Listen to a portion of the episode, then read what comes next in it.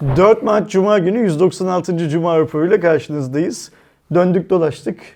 Ee, Kürkçü dükkanına değil mi? Aynen. 3 günlük 4 günlük bir Barcelona arası verdikten sonra Kürkçü dükkanına yani bizim ofise İstanbul'a Türkiye'ye geriye geldik. Şimdi Aydoğan bu 196. Cuma raporunun açılışında herhalde fuarı konuşmazsak olmaz değil mi? Aynen, kesinlikle. Ne düşünüyorsun fuarla ilgili? Nasıl buldun? Şimdi sen bundan çok kısa bir süre önce mi şey Amerika'ya da CES'e gittin. Tam o yüzden böyle öncedeyiz. daha iyi bir kıyaslama yapma şansın var senin. Ne, ne, ne düşünüyorsun Ee, ya şeyle ilgili? CS'de ilkti, MVC'de hani artık 5. 6. falan oldu sanırım. Baktığımda hala da hani pandeminin etkisini net bir şekilde görebiliyoruz. Hani birçok marka işte zaten hibrit diye geçti bu sene. Ondan önceki iki sene dijitaldi sadece. Ee, hibrit olduğunu net bir şekilde hissediyorsun çünkü işte haber bazında baktığımızda şu marka bunu duyurdu, bu marka bunu duyurdu diye birçok bülten geliyor ama orada fiziksel olarak duyurulan sadece birkaç ürün vardı.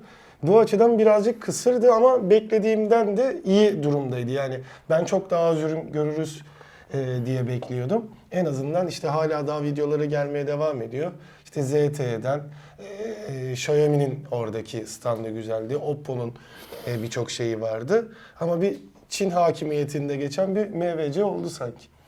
Benim sıkıldığım bir fuar oldu. Veya hatta önümüzdeki yıl gider miyim falan diye beni Doğru düşündü- ben tahmin etmiştim bu arada. öyle bir şey düşündürten bir fuar oldu. Yani e, Covid işte tam şey savaş haftasına denk düştüğü için e, Rus tarafından katılım da azaldı filan ama en nihayetinde şöyle bir şey vardı. Fuar sönük bir fuardı. Bu sönüklüğün tabii ki nedeni tek başına fuar değil. Yani bu e, işlemci krizi, bilmem ne üretim krizleri filan da etkili. Dünyanın ekonomisinin iyi bir durumda olmaması da etkili. Yani dünya sadece Türkiye'de değil, dünyanın her yerinde ekonomi kötüye gidiyor. Biz Türkiye olarak bu kötüye gitme konusunda gaza basmış durumdayız biraz. O ayrı mevzu. Ee, mesela şeye şaşırdım Aydoğan. Yani fuarda böyle e, yeni ürün, beni heyecanlandıracak yeni teknoloji olmayınca insan Evet. bir etrafa böyle biraz da alıcı gözle bakıyor. Mesela şaşırdığım bazı noktalar var. Arkadaşlarla onları paylaşayım. Şimdi fuarda lansman yapan şirketler var ve bu şirketlerin fuarda standları yok. Yani fuardan alan alıp alan kiralayıp orada olmuyorlar. Evet. Açılış gününde fuar alanının içinde lansman yapıyorlar. Ya da e, Barcelona'daki bir şehirde lansman yapıyorlar. Biz bunu daha önce yaşamış mıydık? Yaşıyorduk tabii ki ama hep şu oluyordu. E, o ürünler mutlaka fuarın bir yerinde e, fuar ziyaretçilerine açık oluyordu. Sonradan gidip görebiliyordum. Şimdi mesela benim davetlisi olduğum Realme'nin yaptığı etkinliğe davetliler dışında insanların girmesi yasaktı. Hı hı. Ya ben mesela gelseydim de giremeyecektim. Giremeyecektin. Aynen öyle bir hikaye var. Ee, ve işin kötüsü bu ürünler daha sonradan fuarın herhangi birinde sergilenmedi. Hanev keza öyleydi. Hanev'in davet ettiği insanlar dışında insanlar lansmana giremediler. Aynen Realme'de olduğu gibi lansman sonrası deneyimleme alanına da giremediler. Ve yine aynen Realme'de olduğu gibi bu ürünler başka bir yerde gösterilmedi. Tek bir e, şöyle fark vardı abi. Ben de o standa gidip baktığımda fark ettim. Qualcomm'un standında 8 Gen 1'i falan kullanan bir cam mekan içerisinde. Zaten her sene öyle bir şey yapıyor Qualcomm. Orada sadece ben GT2 Ama falan e- şey gördüm. e- Şey dışında. Eline alamıyorsun en nihayetinde. Ee, sonra mesela TCL'in yaptığı lansman keza böyle bir lansmanda anladığımız kadarıyla. dışarıda yapmış, bir o, otelde otel falan şeyde fuar dışında yaptı. Şimdi fuardan çok canın sıkılıp böyle baktığın zaman böyle şeyleri görüyorsun. Bir de başka şunları gördüm mesela Aydan.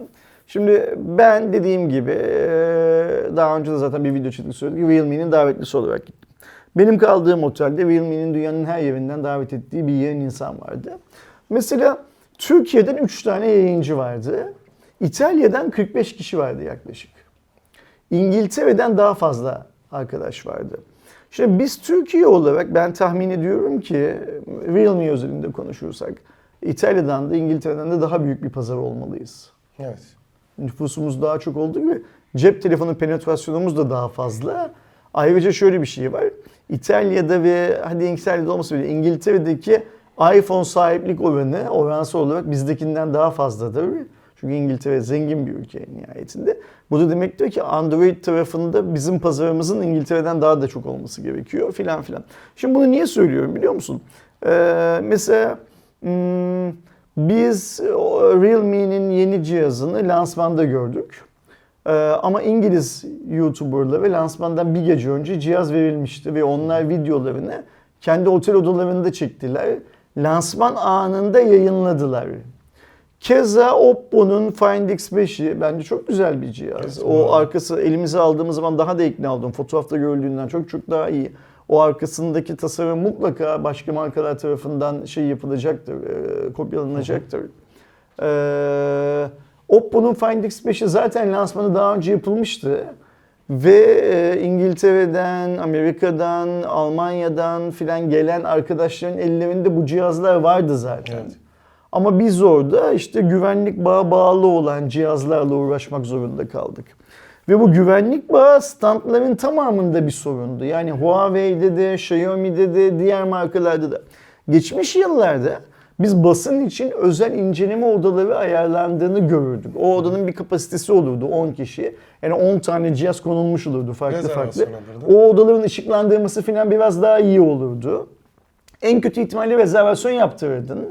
Giderdin herkese e, istediği kadar zaman verilirdi o odanın içinde geçirilecek olan. Ve bunu yapmak için e, MVC, fuar organizasyonunun sana verdiği basın kartını yani basın girişini göstermen yeterli olurdu.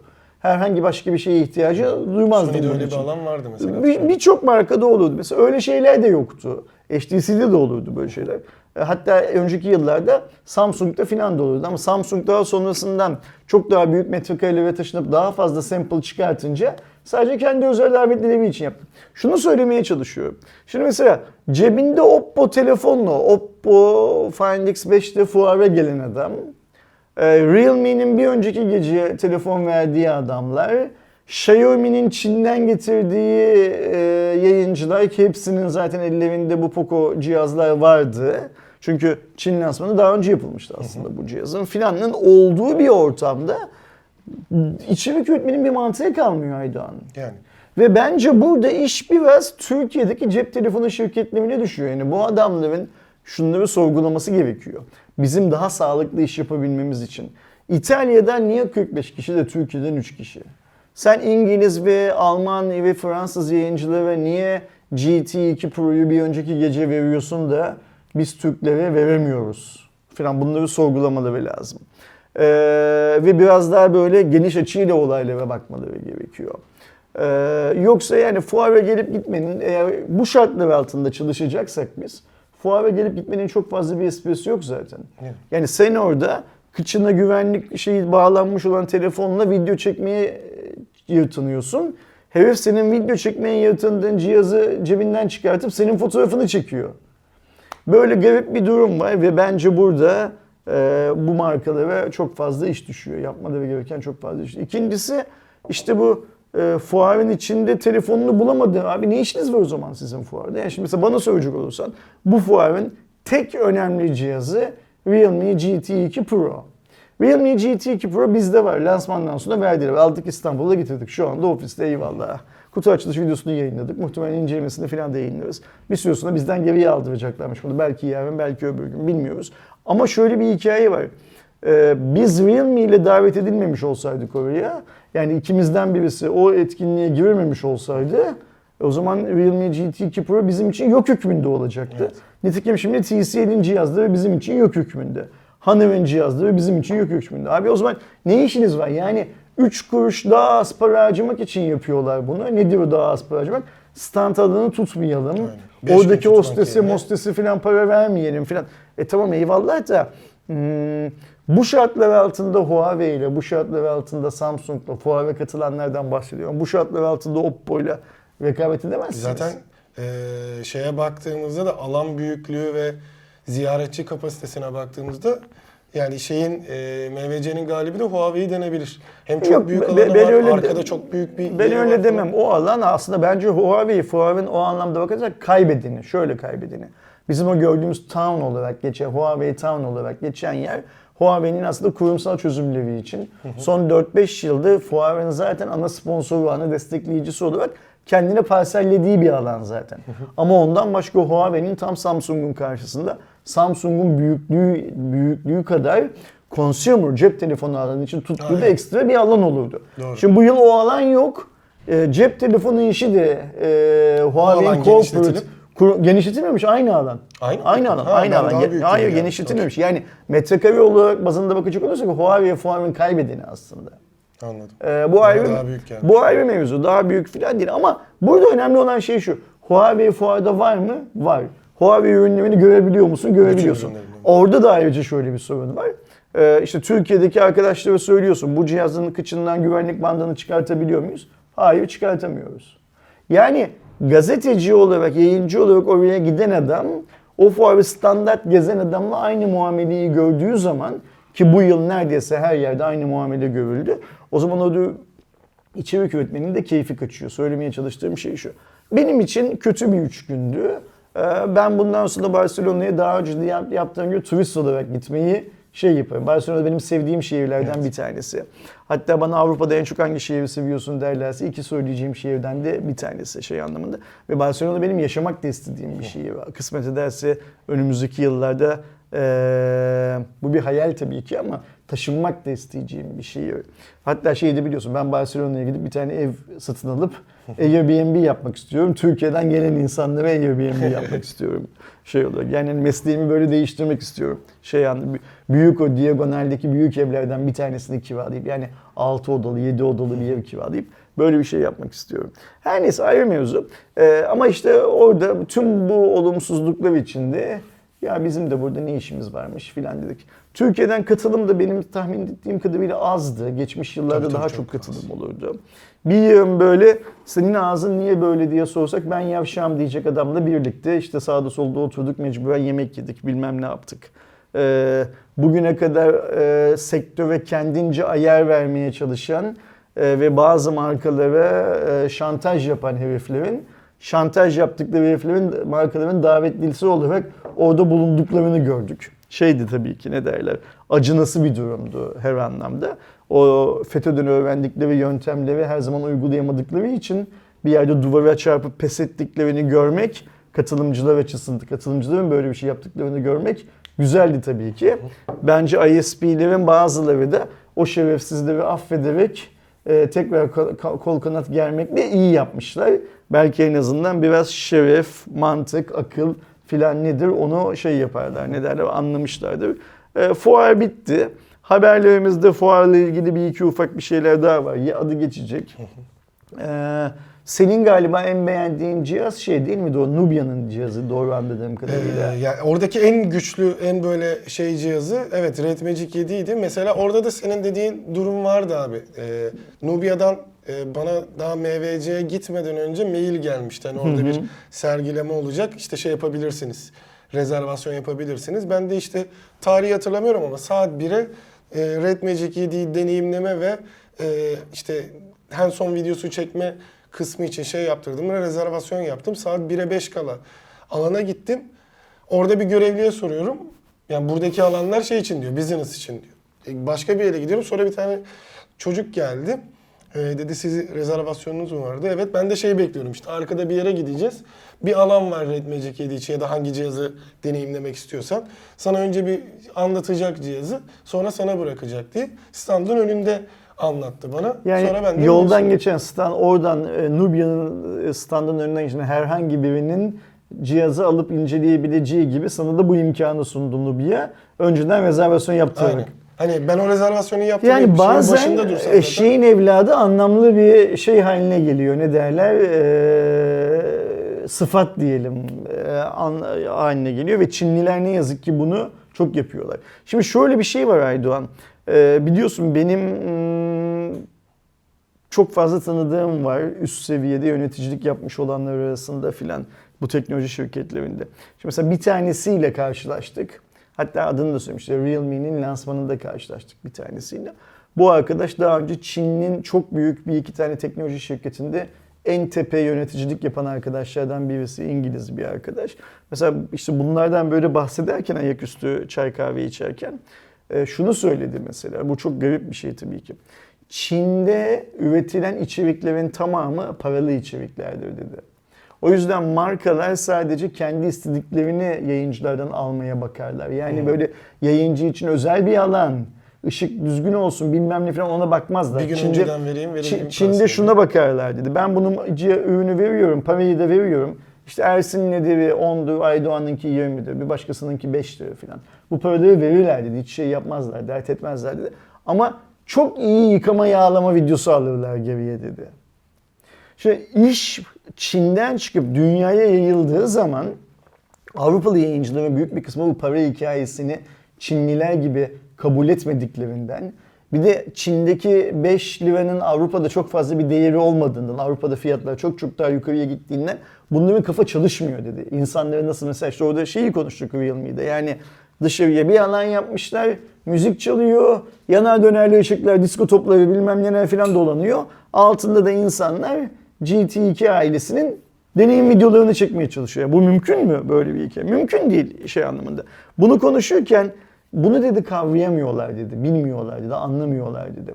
Ve e, bunu bunlara anlatacak işte senin gibi benim gibi batılı insanlar lazım. Ben o yüzden Çin'de hani birçok şirkette pazarlama bilmem ne falan anlamında çok üst düzeyde görev alabiliyorum. Çok da genç bir arkadaşımız. Bu kadar genç olmama rağmen filan. Peki dedim kabul ediyorlar mı bunu? Hiçbir Çinli şirket bugüne kadar bunu ilk söylediğinde kabul etme, etmedi dedi.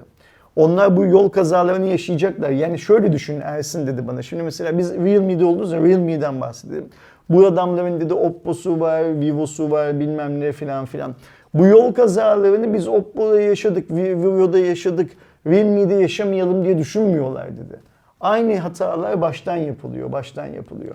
Görüyorsun mesela bu yıl burada işte sizlerden gelen şikayetler eğer yönetime ulaşırsa Hindistan'a, Realme'nin yönetimi sonuçta Hindistan'da. Hindistan'a ulaşırsa bir sonraki yıl biraz daha iyisinin, bir sonraki yıl biraz daha iyisinin yapıldığını göreceksiniz. Böyle adım adım gidiyor. Ne yazık ki Çinli şirket mantalitesi tam olarak bu. Onlar burada e, böyle bir şeyleri şey yapıyorlar, ne derler, kabul ediyorlar dedi. Nitekim ben Realme'nin CEO'sunu Twitter'dan falan da takip ettiğim mesela fuarın ikinci günü ya da üçüncü gününde Realme CEO'sunun fuar dışında bir otele gidip bazı yayınlardan yılın telefonu, yılın teknoloji markası, yılın bilmem nesi falan gibi ödüller almayı kabul ediyor. Niye kabul ediyor? Kendisinin zaten fuarda işi yok. Yeri yok da fuarda. Ne yapacak fuarda bütün gün dolaşacak? O yüzden bir otelde gidip mesela işte atıyorum biz de onu ben şeyde kaldım. E, AC Hotel by Marriott'ta kaldım. Sen e, Barcelona Suites diye mi ne bir yerde kaldın? Ee, ne şey Heon Katalunya Heh, Barcelona Ka- diye Ka- Katalonya'da kaldım. Şeyde plasa. Biz de bizim otele çağırsaydık sana bröve vereceğiz gel diye muhtemelen koşa koşa buraya da gelecekti. Yani burada garip bir şey var onların gözünde. İş yapma modeli var ve bu model şey değil. Ee, gerçek hayattaki beklentilerle çok fazla şey yapmıyor, uyuşmuyor. O yüzden ee, işte böyle iyi ürün olmayınca, güzel teknoloji olmayınca ve işin böyle yanlış yerlere nerelere doğru gidiyor diye düşündüm ve fuardan hevesim kaçtı. O tam olarak onu söylüyorum. Türkiye'ye döndüğümde de mutluyum. İyi ki bir gün erken dönmüşüm senden. Bir gün daha iyi ki Barcelona gibi çok sevdiğim bir şehirde bile bir gün daha erken iyi ki kalmamışım şey anlamında. Ama eee, bu ben kendi adıma söylüyorum. Realme GT2 Pro'nun Türkiye'de satış tarihinin açıklanmasını ve e, satış fiyatının açıklanmasını da merakla bekliyorum. Onu da şey yapalım. Şu oradan şeye geçelim Aydoğan hızlıca. Sonra da bizim kendi konularımıza girelim. Sen zaten ilk başlık olarak Realme 2022 sona erdi demişsin. Herhalde bunu konuştuk, topladık diye Aynen. şey yapıyorum düşünüyorum. Savaş devam ediyor. Biz geçen hafta giderken ya da geçen hafta Cuma raporunda hangi durumdaysak şimdi daha kötü bir durumdayız. Evet. Daha çok insan, daha çok sivil zarar görüyor. Biz geçen hafta Cuma günü bahsettiğimizde e, dünyada ne yapacağını bilmiyordu. Şu an Rusya'ya karşı muazzam bir yaptırım listesi açıklanmış durumda. Dedim ya geçen hafta Almanya ayaktif aktive ediyor. Almanya'nın da ayaktif edilmesinden e, vazgeçtiği işte SWIFT sisteminden Rusya'nın çıkartılması söz konusu artık. E, Gorbaçov Sovyet Sosyalist Cumhuriyetler Birliği'ni bitiren adam olarak tarihe geçmişti. Görünüyor ki Putin de Rusya'yı bitiren adam olarak Evet. tarihe geçecek. Şu ekonomik ambargoların altında Rusya'nın hayatına devam edebilmesi mümkün değil. Eğer bu ambargolar konusunda Batı ciddiyse. Ama tabii çok üstüne düşünmemiz gereken, çok ta- konuşmamız gereken bir başka hikaye var. O da şu e, sarı saçlı, mavi gözlü insanların öldüğü bir savaş diye bunu yorumlarsak çok yanlış yerlere götürürüz bunu.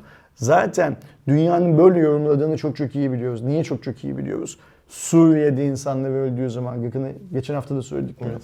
daha bu sarı saçlı mavi gözlü insan kavramı ortaya çıkmadan önce, söylenmeden önce de Cuma raporunda dile getirdik bunu. Suriye'de insanlar öldüğü zaman gıkını çıkarmayan, Irak'ta insanları hatta kendisi öldüren bir şekilde Batı medeniyeti, Afganistan'da insanların ölmesine neden olan bakım Batı medeniyeti, sarı saçlı mavi gözlü Hristiyanların ölme ihtimali karşısında teyakkuz durumuna geçiyor ve bundan büyük bir üzüntü duyuyor. Buradan şunu çıkartıyoruz aslında. Rusya Türkiye'ye de saldırsa Avrupa topluluğunun, NATO'nun, Amerika'nın çok da fazla umurunda olmayacak demek ki bu hikaye.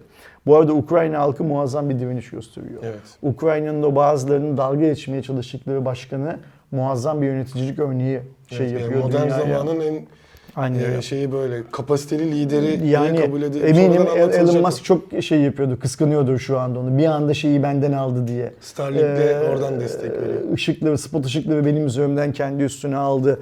Ne olacak bu adamın hali bilmem ne filan diye çok kıskanıyordu Elon Musk ona eminim. Ama ortada şöyle bir hikaye var. Her ne olursa olsun. Yani bunu böyle bir sarı saçlı, mavi gözlü insanlar ölüyor savaşına çevirmeye çalışsalar da oradaki savaş katlanılabilir bir durum değil. Türkiye açısından da Aydoğan o savaş sürecinin uzaması çok zararlı. Yani biz savaş süreci uzadıkça bu kuru şey yapamayacağız, dizginleyemeyeceğiz. Kesinlikle. Ee, 14'ü aştık şu anda. Ee, işte benzin fiyatları malum neredeyse her, Her gün, zam, gün zam her gün zam geliyor filan gibi. Şimdi mazota bir O benzin fiyatlarına gelen zam ister istemez her endüstriyi etkiliyor. Ee, Etkilemeyeceği endüstri yok zaten ülkede. İşte savaş durumu yüzünden bu bizim son zamanlardaki turizm sektörümüzün ana kaynağı olan Ukraynalı ve Rusya turistlerin zaten gelebilme ihtimalleri her geçen gün azalıyor. Şöyle düşün.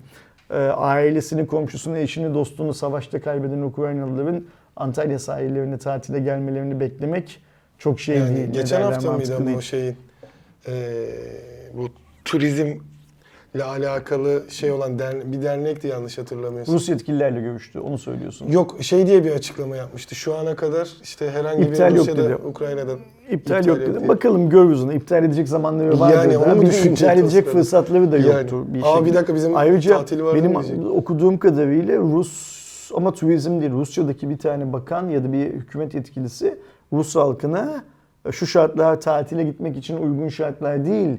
E, tatil zamanınızı Rusya'da planlayın gibisinden bir çağrıda da bulundu ki o da savaşan bir ülkenin yetkilisi o da çok haklı ayrıca böyle bir şeyde bulunması. Ayrıca e, sen Rus olsan gittiğin ülkede kredi kartın geçecek mi? Bilmem ne telefonun çekecek mi filan de gibi dertler varken. şeyim var. Yani evet şimdi Nazi yani sağcı, faşist her yerde faşist. Almanya'da bazı restoranların kapısına Rus pasaportu olanlar giremez diye yazılar yazılmaya başlandı. Bunların hepsi dünyanın aslında ne kadar kötü bir yer olduğunu Evet. bize gösteren örnekler. Bu hikaye bir an önce bitmedi. Şu dün akşam kararı alınan sivillerin çıkışı için korunaklı bir e, çıkış yolunun organize edilmesi iki en azından grup onu şey yaptılar ama e, Ukrayna halkı muazzam direniyor. Kendilerini tebrik etmek lazım. E, inşallah bu e, görüşmelerin sonraki fazla ve sonraki fazla ve ertelenmesi Putin'in daha kuvvetli bir şekilde saldırmak için zaman kazanması e, için uyguladığı bir taktik değildir. E, ve Putin bir yerde yenilgiyi ister istemez kabul eder.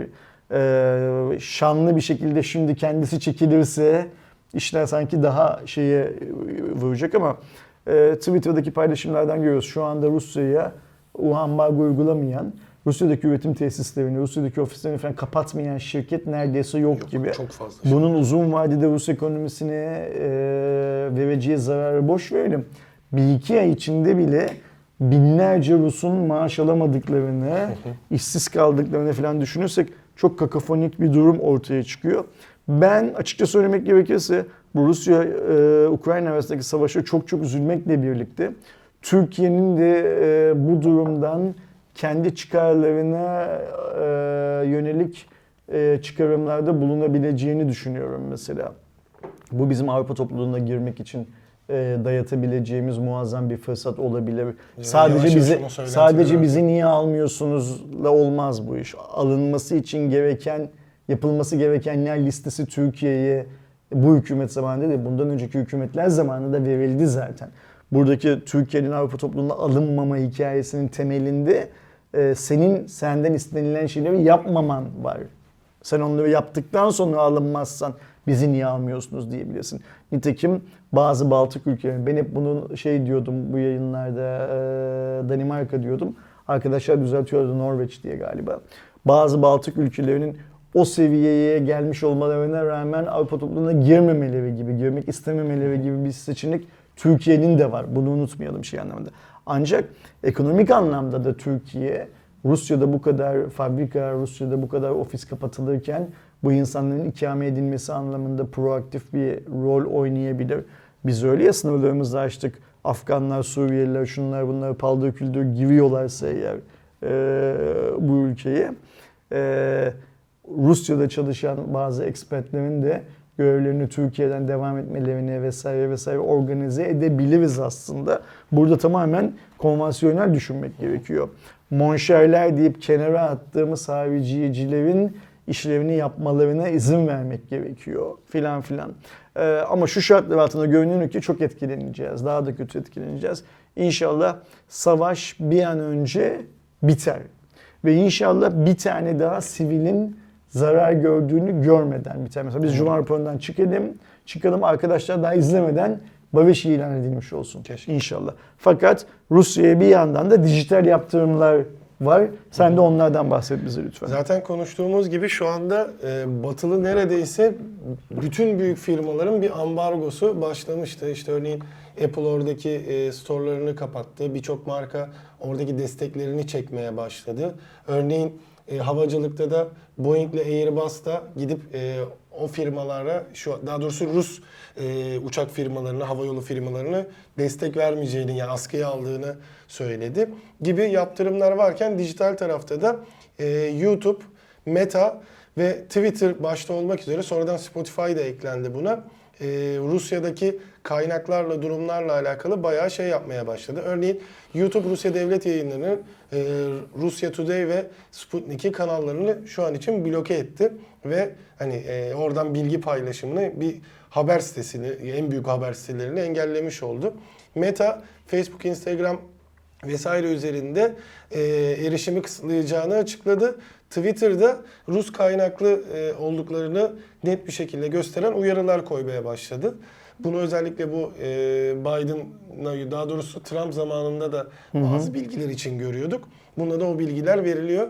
Hani e, yanlı içerik olduğunu net bir şekilde göstermek için. Spotify'da yine e, RT ve Sputnik'teki içerikleri, platformları e, yayınlarını Spotify'dan kaldırdı. Bununla alakalı da Rusya'daki ofisini kapatma kararı Yani aldı. blo şeyleri, e, kestleri, mestleri falan da Aynen. şey yaptı Yani kaldırdı. Russia Today ve e, Sputnik'le alakalı onlardan yayınlanan bütün içerikler kaldırılmış. Ayrıca kestlerde e, Rus yanlısı yayın yapan yayıncıların kestleri de şey yapıldı ne derler podcastleri de kaldırıldı. E, dedik işte biraz önce yani bu yaptırımlar e, Rus halkı için iyi yaptırımlar değil. Rus hükümeti bunu şey yapmak zorunda, ne değerlendirmek zorunda. Bu aynen şey gibi. Trump'ın iki tweet atıp e, Türk ekonomisine e, darbe vurması gibi.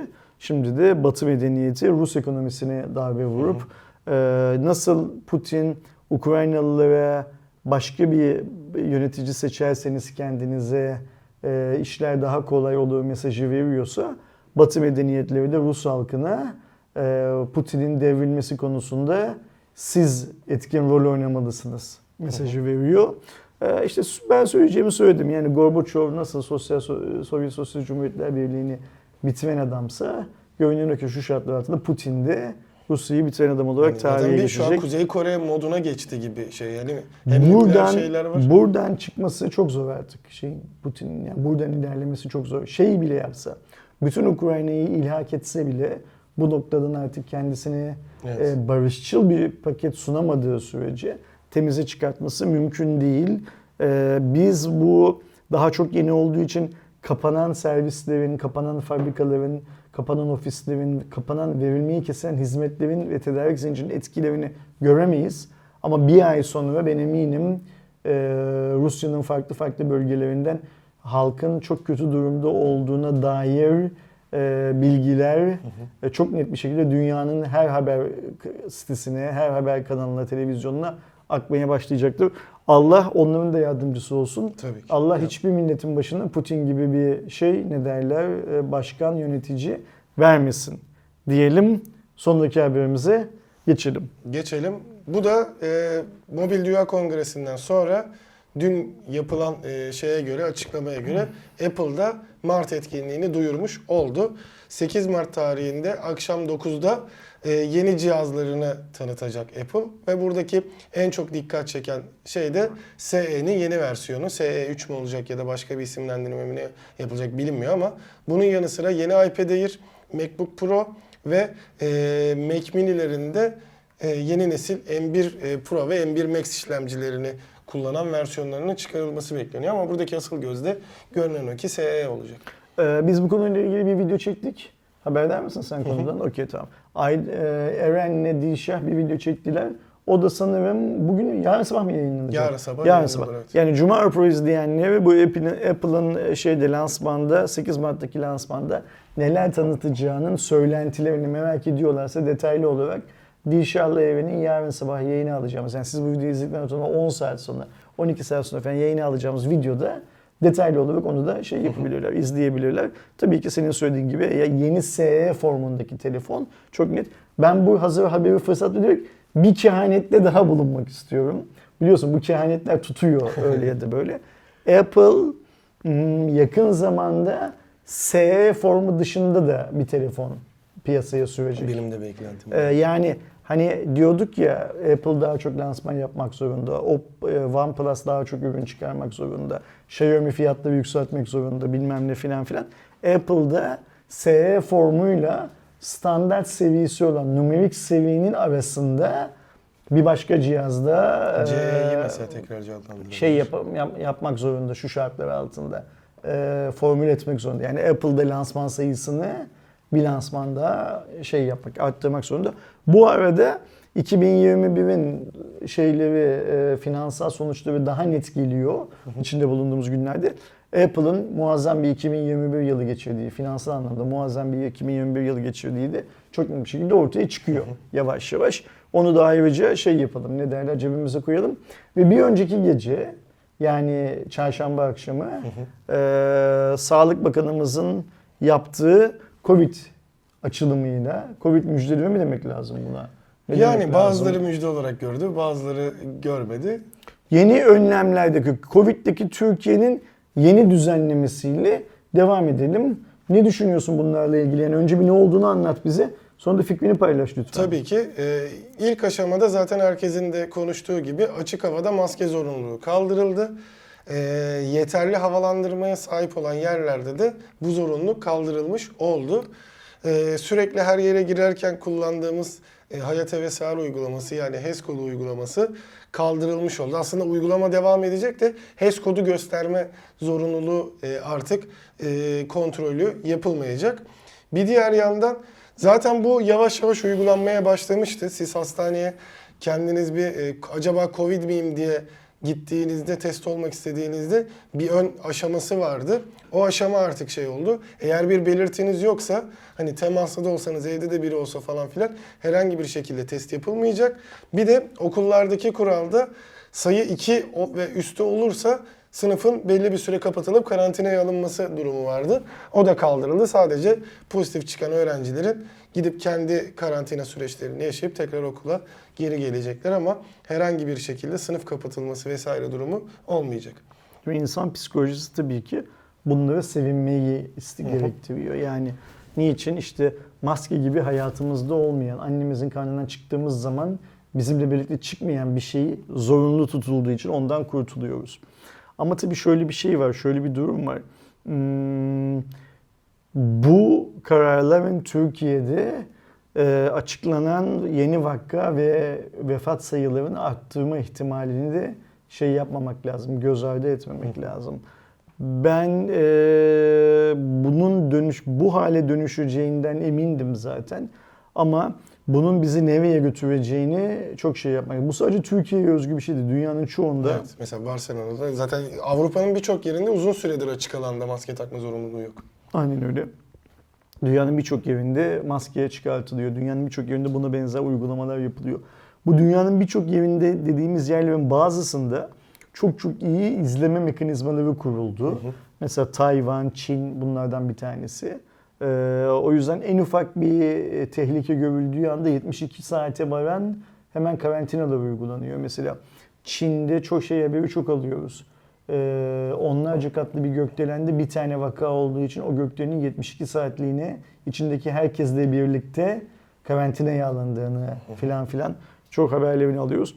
Türkiye'de bu anlamda bir şeyler yapılabilmesi tabii ki şey değil. Ne derler? Çok kolay değil. Ee, o yüzden de e, bu kuralların getirilmesi iyi mi kötü mü bilmiyorum. Ancak şöyle bir şey de var Aydoğan. Hayatımızda bir toplu taşıma gerçeği var ya. Yani en başından beri bu Covid'in metrobüse baktığın zaman zaten maske bilmem ne filan e, şey kalıyor. Hmm, anlamsız Aynen. kalıyor gibi bir hikaye var. Yeni dönem tüm Türk halkına hayırlı olsun. Söylenecek hiçbir şey yok. Yeni dönemin güzel yanı şu. Bu uygulamalar sayesinde ekonomi biraz daha hızlanacak. Yani insanlar AVM'lere falan daha çok gidecekler, daha çok sokağa çıkacaklar filan. Tek parayı maske üreticileri kazanmayacak. Parayı başkaları da kazanmaya başlayacaklar. İşin görünen yanı o. Kötü yanı da, e, daha doğrusu riskli yanı da daha çok yeni bulaş, daha çok vefat haberi alma ihtimalimiz. Ama tüm dünyada artık hiçbir şeye döndü. Her koyun kendi bacağından asılı ve döndü. Benim arkadaşlarıma özel önerim mümkün olduğu kadar maske takmaya devam etsinler. Dışarıda bile gerektiğinde mümkün olduğu kadar maske takmaya devam etsinler. E, ve aşı maşı filan gibi önleyicilerden ellerini eteklerini çekmesinler. Yani üçüncü dozu olanlara ve 3 ay sonra bir dördüncü hatırlatma dozunu devlet Evet, zaten hazır Bu veriyorken ayda olacak galiba. hı. bu imkanlarını da kullansınlar. Çünkü unutmayalım ki hala dünya üzerinde Covid nedeniyle ölümler yaşanıyor. Hala yaşanıyor. Yani Covid hayatımızdan çıkmadı. Evet.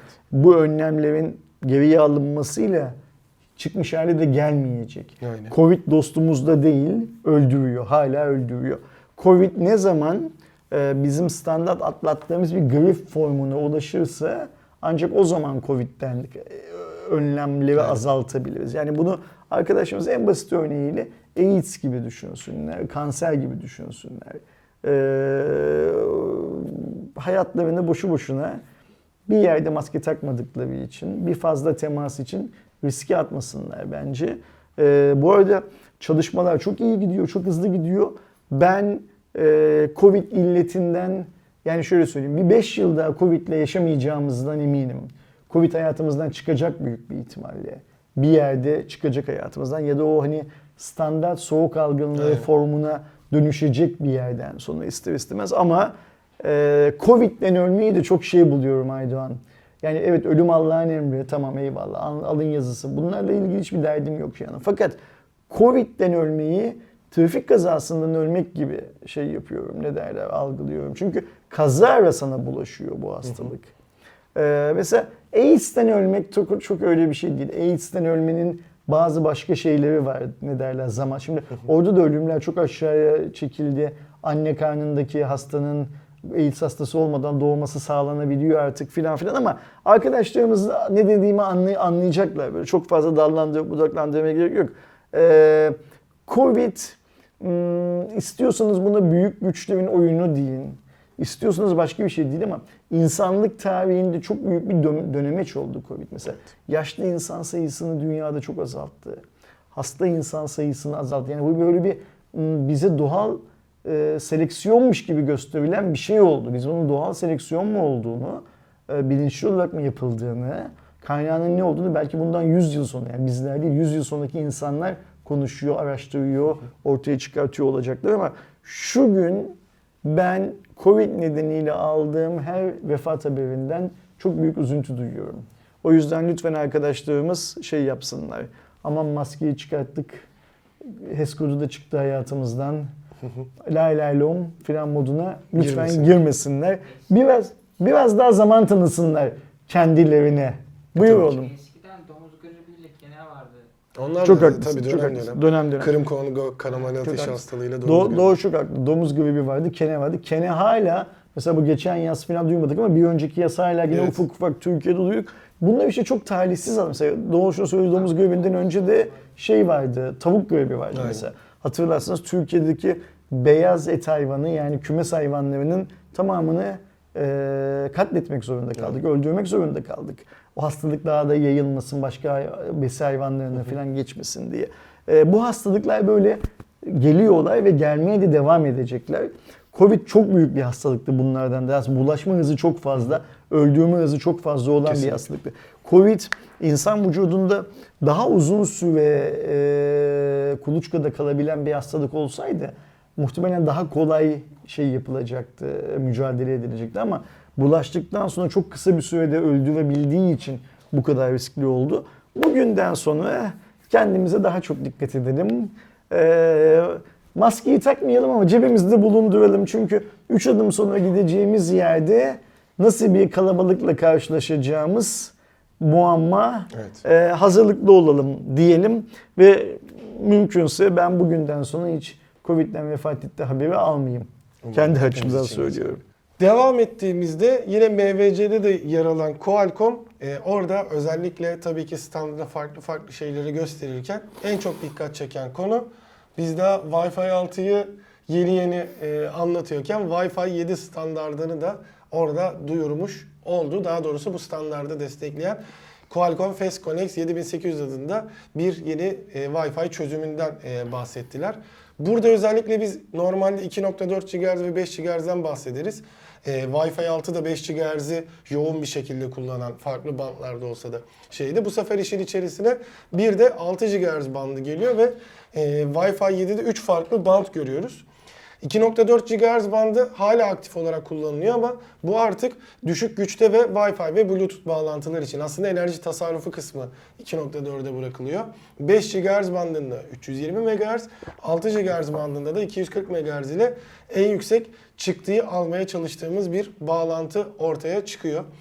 Ee, biliyorsunuz 802.11 AC Wi-Fi 5'ti. AX 6 oldu.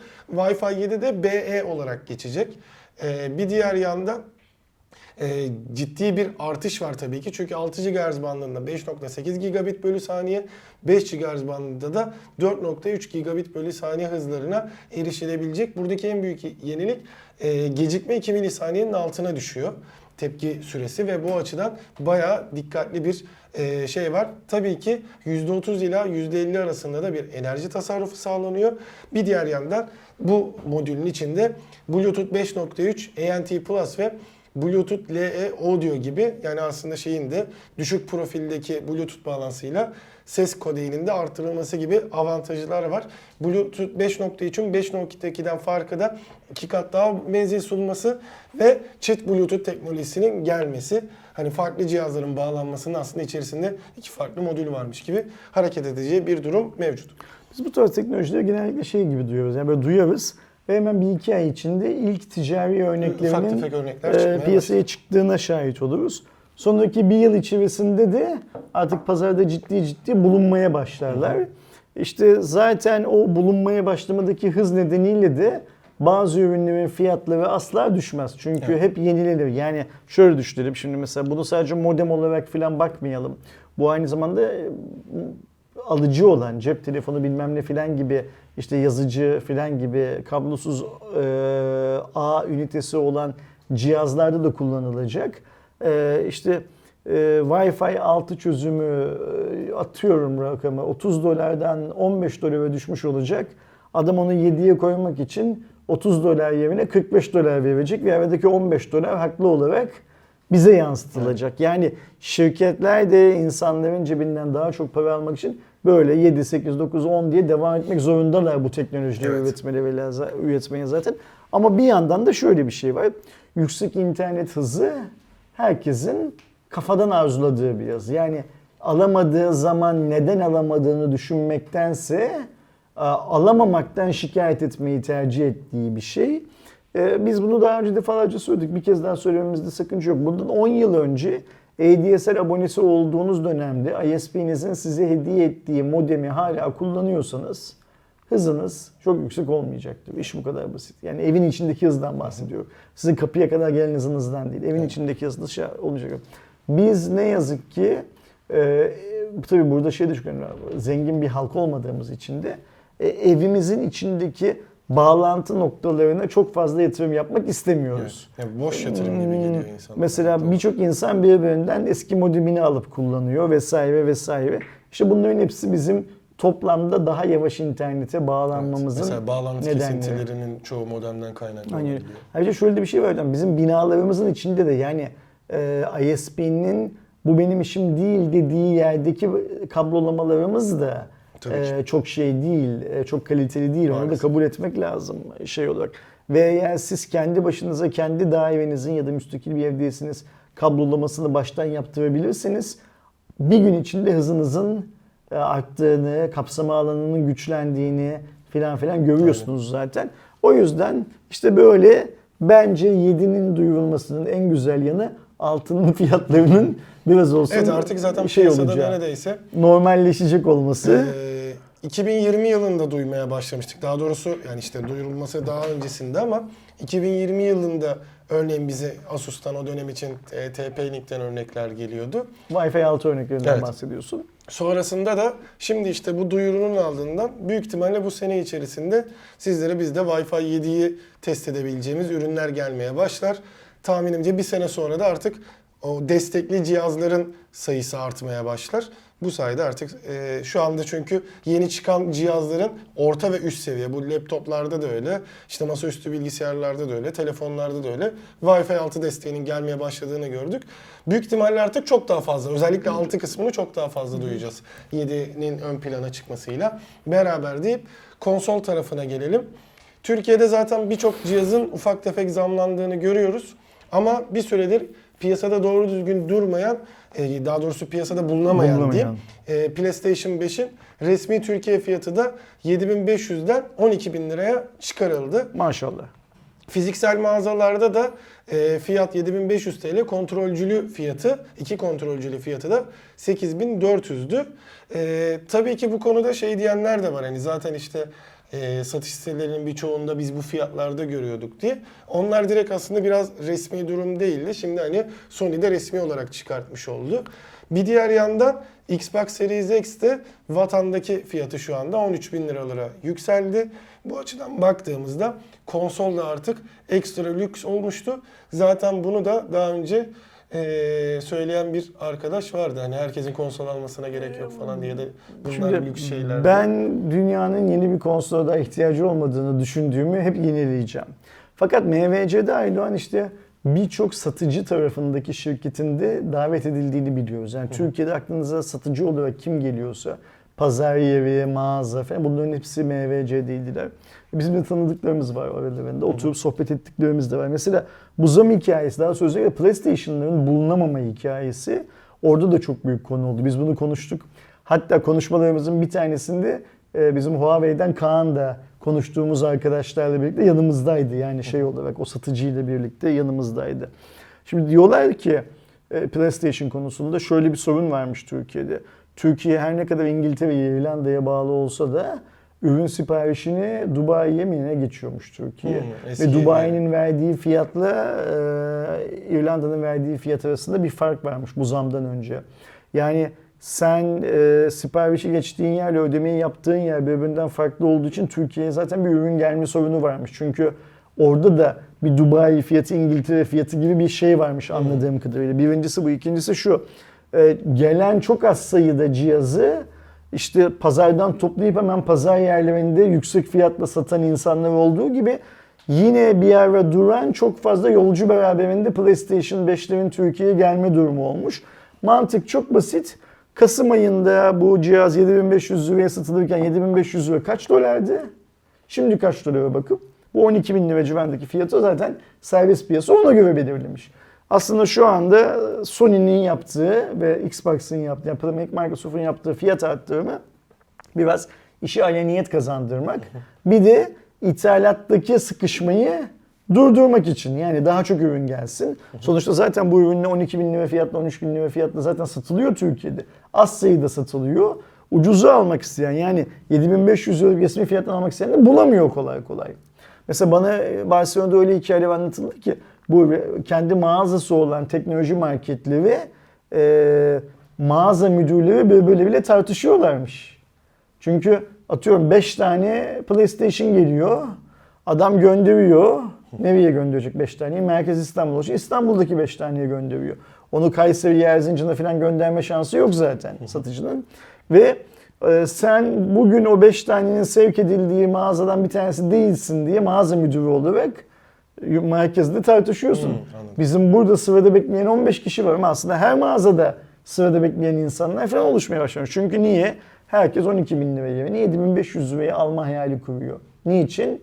Sony'nin açıkladığı rakam 7500 lira diye. Şimdi bu aslında biraz evet çok pahalı. Yani hani 12 bin lira, 13 bin lira aracı değiller. Ama bir yandan da şöyle bir şey var. Malın artık ederi bu. Yani şu geride bıraktığımız bir ay, bir buçuk ay hatta iki ay içinde Aydoğan eğer 7500 liradan e, PlayStation 5 resmi olarak Türkiye garantili alabilen arkadaşımız varsa çok şanslı o, Evet. o arkadaşımız. Çok şanslı. Lütfen Tabii ki. tabii ki. Ee, şimdi şöyle bir şey var. Ee, iki kol dedin değil mi fiyatı? Hı hı. Evet, iki kollusu 8400. Tamam onun daha ucuzunu satan yerler var. Onu bulabiliyorsun. Hı hı. Bir de şey soracağım bu hani 12 bin 12 bin aynı. İki tane versiyonu var ya ikisi de mi öyle? Yok şu an büyük ihtimalle dijital bu. 7500 olan dijitaldi ya. 7500 olanın fiyatı şu an şey olarak 12 bin ama olarak açıklandı. de iki kollu bulabiliyorsun ama Kaça buluyorsun onun iki kolluyu şu anda? Ya en son bu hani 14'ten önce Hı hı. yükselmişti ya bir kere Evet. daha. Ee, 8000 ya da 6000 ya da 7000 şeye. O dönemlerde evet. zaten. Peki en, sen, sen buna en son ne zaman baktın? İşte bu yü- yükselmeden önce. Yükselmeden önce, Ama ben tamam. kendine bakarım şey. Tamam. Zaten öyle Arkadaşlar duymamış olabilirsiniz. Doğuş diyor ki e, yakın bir zamana kadar hala belki 7500'ün biraz üzerinde filan uygun fiyatları Bulunabiliyordu. O yüzden hani ama şöyle bir şey var. Bulunabilse bile resmi fiyat 12 bine çıkınca artık o satıcılar da da fiyatı yükseltmişlerdir zaten. E, benim vermek isteyeceğim bir para olmaz 12 bin lira. Ben onu peşin ben peşin 7500 söyleyeyim. iken bile hani şeydim böyle ki şu anda mesela bende PlayStation 4 Pro vardı. Aydın'da e, sevdiğim bir abim e, hani ver biraz takılayım diye gönderdi ki o sırada şeyi fark ettim. Ben bir senedir falan ellememişim bile. Yani o sırada çıkardığımda da tozlandığını falan filan görünce anladım olayı. Bir ilk başlarda kafamda vardı Series S ya da X'e geçmek. Hani PlayStation 5'e zaten fiyatlarından. Bir de onu aldıktan sonra 800 liradan başlayan oyun fiyatlarını düşündüğümüzde bayağı dert olacaktı. Hiç ona girmemiştim. Ama şu an mesela benim bile konsoldan uzaklaştığımı söyleyebiliriz. Yani ben artık hiç şu anda ben şey zaten çok değilim. uzunca bir zamandır yakın değilim. O yüzden çok da şey yapmıyorum ama çok para yani 12 bin Evet. lira çok para. Diyelim ve Mediatek'in Dimensity 8000, 8100 ve 1300 Yonga setlerinin geçelim. Ne yapmış da Mediatek Aydo? Mediatek e, Dimensity ailesini genişletmeye devam ediyor. 8100, 8000 ve 1300 olmak üzere 3 farklı e, cihazları daha doğrusu yonga setlerini duyurmuş oldu. Ve bu ilk çeyrek içerisinde zaten bu e, ürünlere sahip cihazları da görmeye başlayacağız. 8000 ve 8100 de aslında her ikisi de 5 nanometre sürecinden geçen 4 adet Cortex A78 barındıran 4 adet de A55 verimli çekirdekleri var. Aradaki fark ise frekanslarında yani Dimensity 8100 e, 2.85 GHz'de daha yüksekte çalışıyor. Dimensity 8000'de 2.75 GHz'de çalışıyor ve Mali G610 MC6 grafik işlem birimini kullanıyor bu ikisi de. E, HyperEngine 5.0'ı kullanıyorlar. Bir diğer yandan 200 megapiksele kadar da HDR10 4K 60 FPS video kaydını destekleyebilen cihazlar. Bu e, 8000 ve 8100 de aslında birazcık Dimensity'nin e, 865-875 gibi e, Qualcomm'un da o ara modeller çıkardığına e, yönelik bir atılım. Bunlar da üst seviyede kullanılacak ama farklı farklı ihtiyaçlara göre tercih edilecek. 1300 ise e, aslında bu 8000-9000 serisinin orta seviyeli versiyonu olarak ortaya çıkıyor. E, 6 nanometreden geçiyor. 3 GHz'e kadar A78 ve e, 3, 3 adet de e, daha doğrusu 3 adet daha düşük frekanslı A78 var. Bir tane yüksek frekanslı yer alıyor. E, 2 GHz'de çalışan da 4 adet A55 çekirdeğiyle beraber geliyor. Mali G77'yi de kullanıyor. Bu da özellikle yeni nesil orta seviyelerde göreceğimiz bir ürün olacak. Yavaş yavaş Bu geliştiriyoruz. ürünler, bu işlemcinin ilk hangi ürünlerde kullanılacağı henüz belli Evet. değil. şey tarafından açıklamadı, Mediatek tarafından açıklamadı ama biz büyük bir ihtimalle önümüzdeki bir ay içinde filan hatta belki önümüzdeki haftadan başlayarak Evet. e, markaların 2022 model orta seg- segment cihazlarında bu işlemcilerin bir kısmını pozisyonladıklarının haberlerini Aynen şey yapmaya başlıyoruz, almaya başlıyoruz. Ve böylece de üst segmentteki yarışın orta segment yani ben şimdi üst segmentte Mediatek'i e, daha büyük gelişim kabul e, ger- gerçekleştiren bir şirket olarak görüyorum. E, belki orta segmentte de bu gelişimi orta segmentte de yansıtabildiğine şahit olacağız. Belki. Bize iş düşüyor yani bunlar bizim açımızdan sevindirici haberler. Bize iş düşüyor. Daha çok test yapacağız. Daha çok kıyaslama yapacağız. Daha çok bu niye öyle, şu niye öyle diye düşüneceğiz her Kesinlikle. anlamda. Güzel, güzel. Gelelim benim çok haberdar olmadığım bir olaya. Volvo'dan kablosuz şarj hamlesi. Evet. Elektrikli otomobiller için kablosuz şarj. Doğru anlıyorum değil mi? Anlasın da çok merak ediyorum. Geçtiğimiz dönemde XC40'ın Recharge adında zaten bir elektrikli versiyonu çıkmıştı ve zaten Hı hı. Volvo'nun da ilerleyen dönemde e, tamamıyla elektrikli araçlara dönmek gibi bir gayesi var. Yakın dönemde hepsini hibrite çeviriyor. Daha sonrasında da tamamen elektrikli bir araç üreticisi olacak Volvo.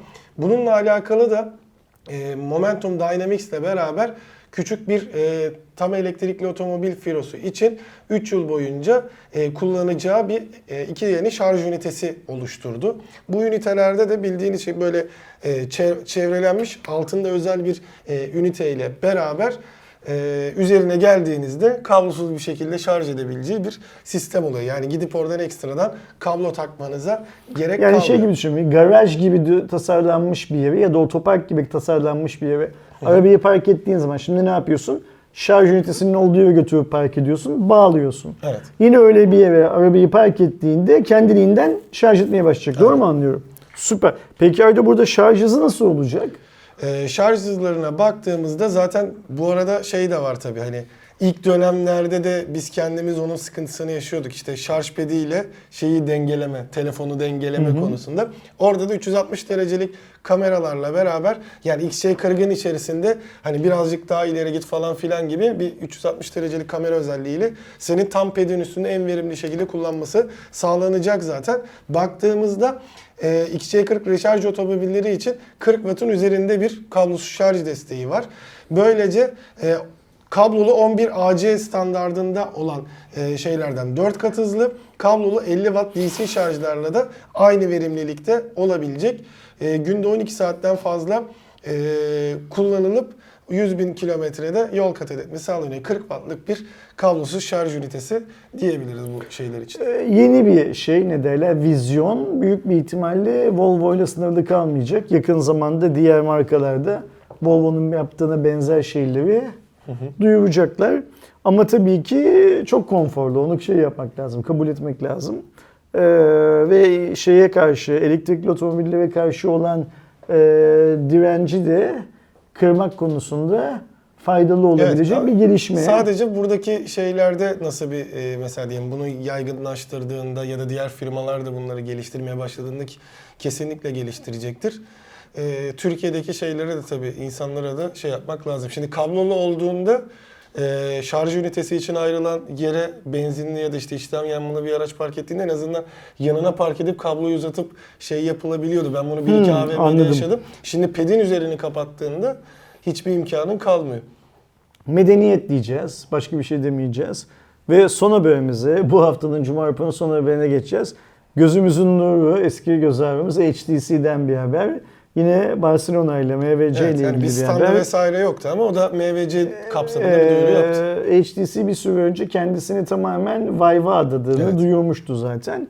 İşte bu metalar falan konuşulurken aslında Vive çok daha önemli bir şey haline geldi. Aynen, yani araç haline geldi. Oculus değil orada. Hı hı. Ama biz son bir aydan beri falan Vive tarafından bir şeyler çok duymuyorduk. Duymamamızın nedeni Bu buymuş. kısım. Neymiş bu?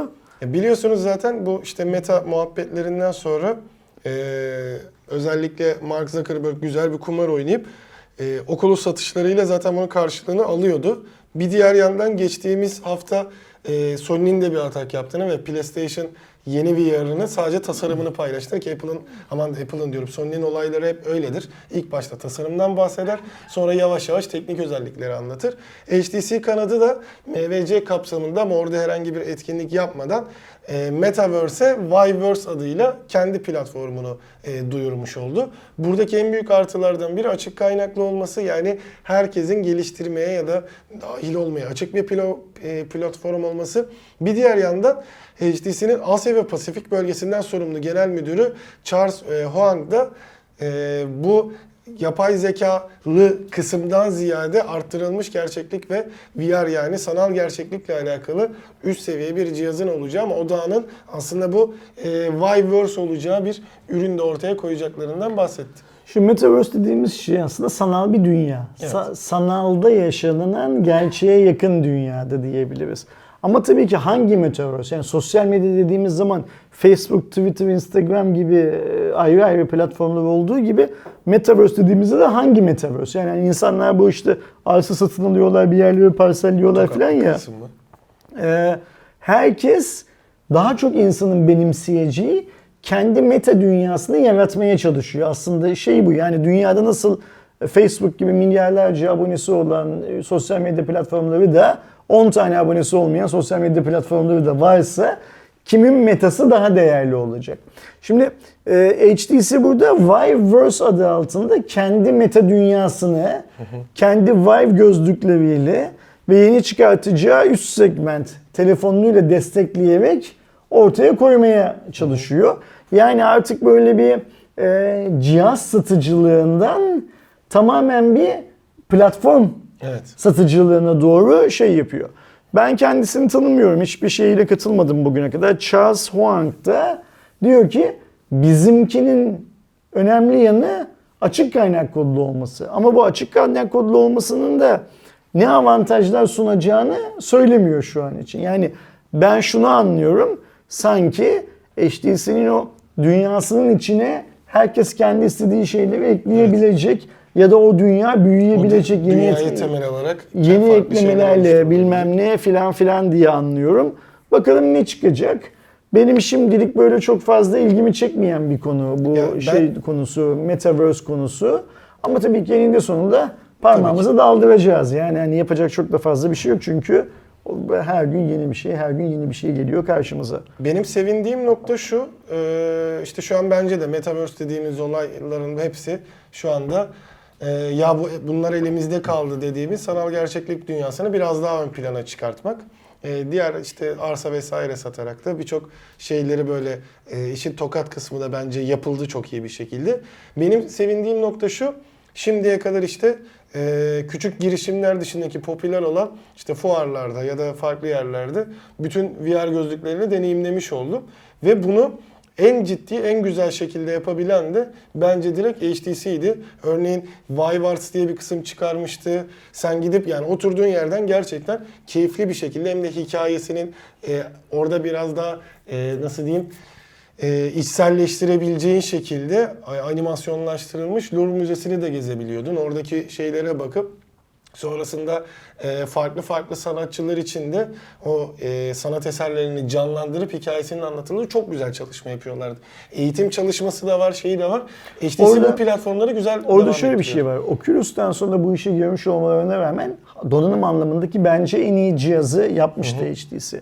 Fakat HTC e, finansal değerleri iyiye giden bir şirket olmadığı için yani Samsung kadar, Huawei kadar parası olmadığı için, Apple kadar parası olmadığı için Vive'da bu senin anlattığın içerik geliştirme kısmının bir türlü dünyada iyi partnerlerle süper içerikler yaratılabilecek bir forma kavuşmasını sağlayamadı. Evet. Her ne kadar arkasına birçok oyun şirketinin desteğini alabilmiş olsa da orada da böyle muazzam atılımlar falan yapamadı.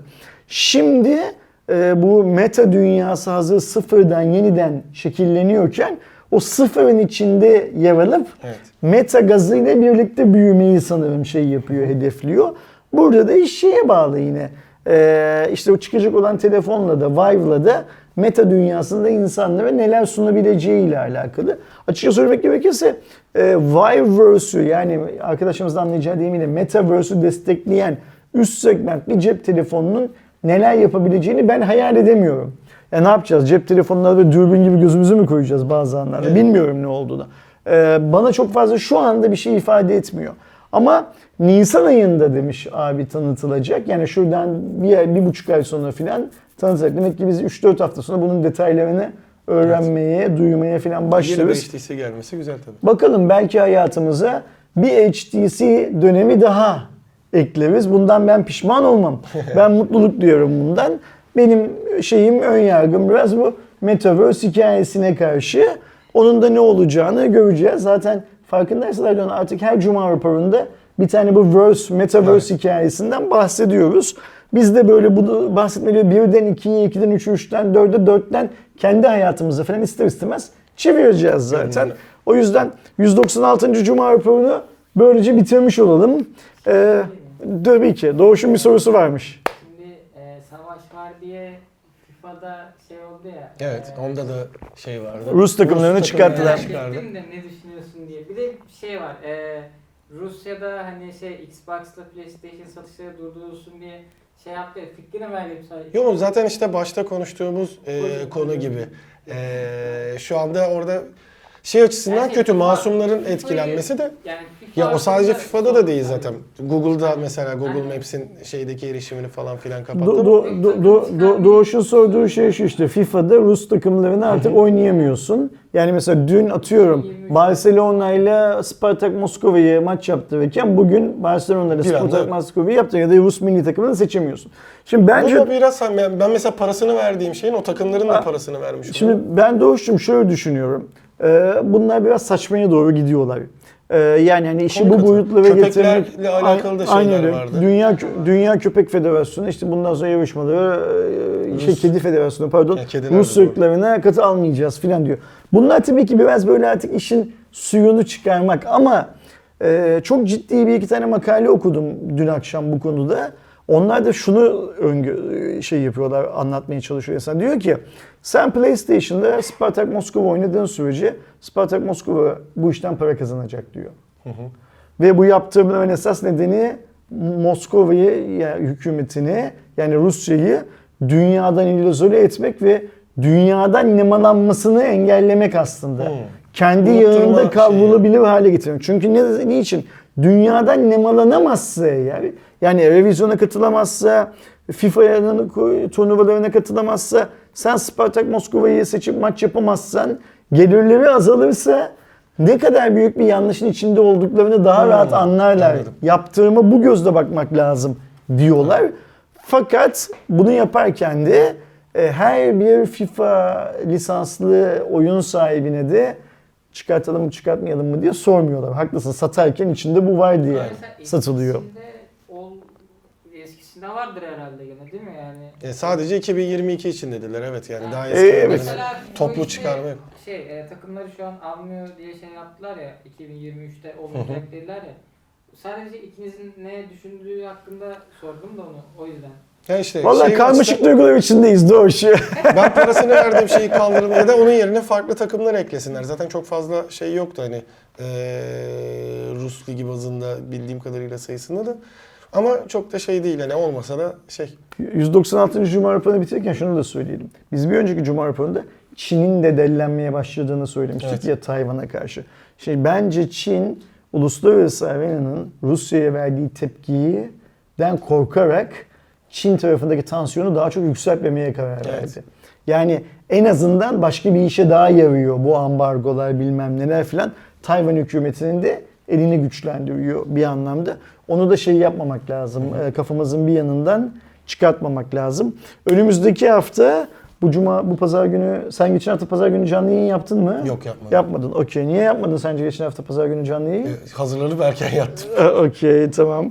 Ee, yani şeydik ne derler?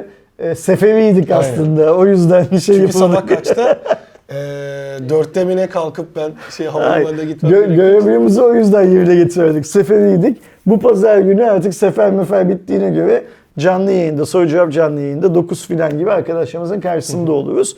Önümüzdeki hafta Cuma raporunda da 197. Cuma raporunda artık MVC'nin de bittiği ve daha çok yeni ürünlerden bahsedebileceğimiz bir Cuma raporunda ve kısmetse savaşın sesini hiç ağzımıza almayacağımız bir Cuma raporunda Görüşünceye kadar kendinize iyi bakın arkadaşlar. Hoşçakalın. Hoşçakalın.